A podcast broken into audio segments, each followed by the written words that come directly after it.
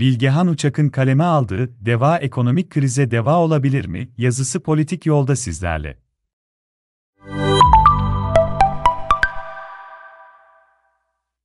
Hepimizin ekonomiyle yatıp ekonomiyle kalktığı, esnafından emeklisine, öğrencisinden zenginine herkesin döviz kurlarını ve enflasyon oranlarını takip ettiği günlerden geçiyoruz.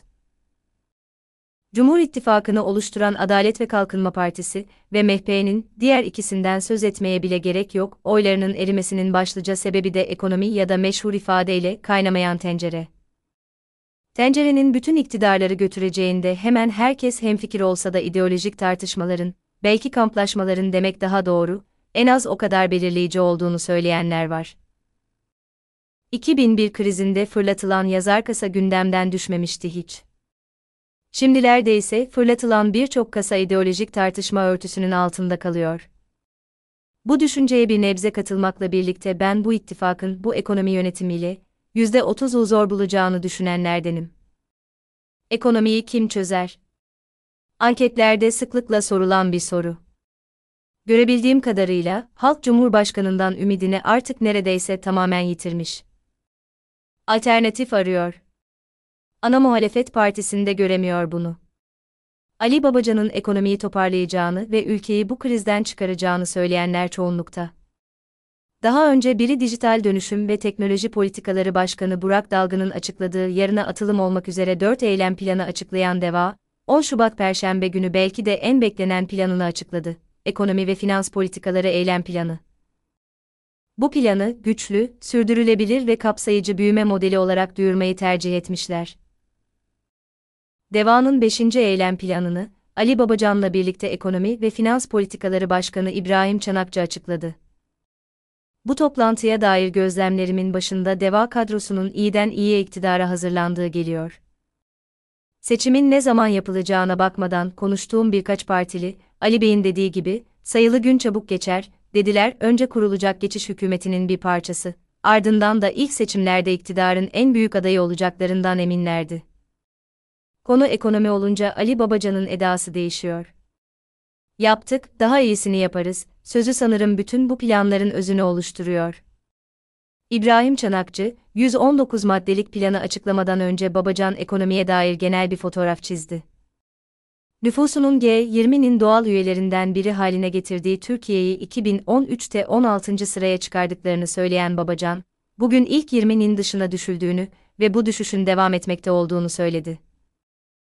Ali Babacan, ekibiyle birlikte ekonominin dümenini tuttuğu dönemde mesela aşırı yoksulluğa son verdiklerini ama bugün rakamları ayarlama enstitüsü diye nitelediği TÜİK'in bile bu kategoriyi geri getirmek zorunda kaldığını ifade etti. İşsizlikte OECD ülkelerinin en kötüsü olduğumuzu, gelir eşitsizliğini gösteren Gini katsayısının son yıllarda hep kötü yönde yükseldiğini hatırlatırken çözüm önerilerini de maddeler hadalinde sıraladı.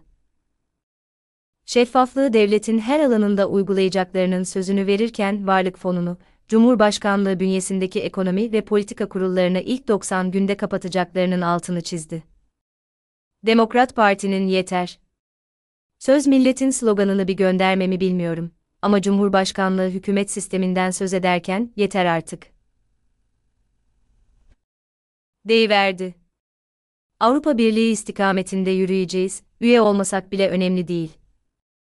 Önemli olan o kriterleri, standartları burada geçerli kılmak, diyen Ali Babacan, Türkiye'nin bugüne kadar en fazla, kendi döneminde, üst orta gelir grubuna yükselebildiğini ama devanın hedefinin Türkiye'yi yüksek gelir grubuna dahil etmek olduğunu söyledi. Bunun içinde bütçenin öneminden söz ederken, 2013'e kadar olan dönemde petrol fiyatlarının 150 dolara kadar çıktığını ama liyakatli, ehil kadrolara sahip oldukları için o ortamda bile enflasyonu tek haneye düşürdüklerini hatırlattı. Ekonomistim diyor, güya ekonominin kitabını yazmış, diye Cumhurbaşkanına seslenen Babacan, madem bir imza ile oluyor, atın gene imzayı da düzeltin ekonomiyi görelim, iyi dediği her türlü başarı bizim döneme ait. Dedi. Semptomlara, yansımalara, tezahürlere bakmayacaklarını, ekonomiyi düzeltmek için kök sebeplere odaklanacaklarını ifade eden Ali Babacan, ekonomi eşittir güven diyerek her şeyden önce güvenin yeniden tesis edilmesi gerektiğini söyledi nelerin yapılmasının lazım geldiğini de bir dakikada 8 cümleyle açıkladı. Babacan'dan sonra söz alan İbrahim Çanakçı ise, ana hatlarıyla 119 maddelik eylem planını anlatırken eğitim, tarım ve yarına atılım eylem planlarıyla kendisinin açıkladığının aslında birbirini bütünlediğini ve bundan sonraki eylem planlarının da aynı şekilde devam edeceğini söyledi. Düşük büyüme döneminde işsizliğin bitirilemeyeceğini ifade eden Çanakçı, kronik ve yüksek enflasyon dönemine dönüldüğünü söyledi. İbrahim Çanakçı, derin ve yaygın yoksulluğun bugün Türkiye'nin en yakıcı gündemi haline geldiğini söylerken, kur korumalı mevduat sistemi içinde devleti batırma sistemi dedi. Hem Babacan hem de Çanakçı bu eylem planını, uçağın havalanması için pisti düzeltme metaforuyla açıkladı. Ama sadece zemini ve şartları düzeltmeni yeterli olmayacağı, motorların tarım, sanayi, dijital dönüşüm gibi alanlar olduğu, yakıtın ise eğitimden geçtiği vurgulandı. Ali Babacan, Türkiye'nin 21. yüzyılda istediği hedeflere ulaşabilmesi için hukuk ve eğitim alanlarında büyük bir atılım yapması gerektiğinin altını özellikle çizdi. Toplantının sonlarında Babacan'a bir soru sordum. Gri bölgedeki kararsız isimleri ikna etmek için ısrarla yinelediği, yaptık, yine yaparız ve ekonomik krizden çıkışın, parmak şıklatarak olabileceği sözlerini hatırlatıp, akten kopan seçmenin eğer bu kadar kolaysa o zaman Erdoğan bizi kurtarır, diye düşünüp düşünmeyeceğini sordum. Ali Babacan çok açık bir cevap vererek iktidarın artık hiçbir şekilde umut veremeyeceğini, hiçbir şeyi çözemeyeceğini, halktan tamamen kopan Erdoğan'ın hiçbir şekilde yaşananları anlamadığını söyledi.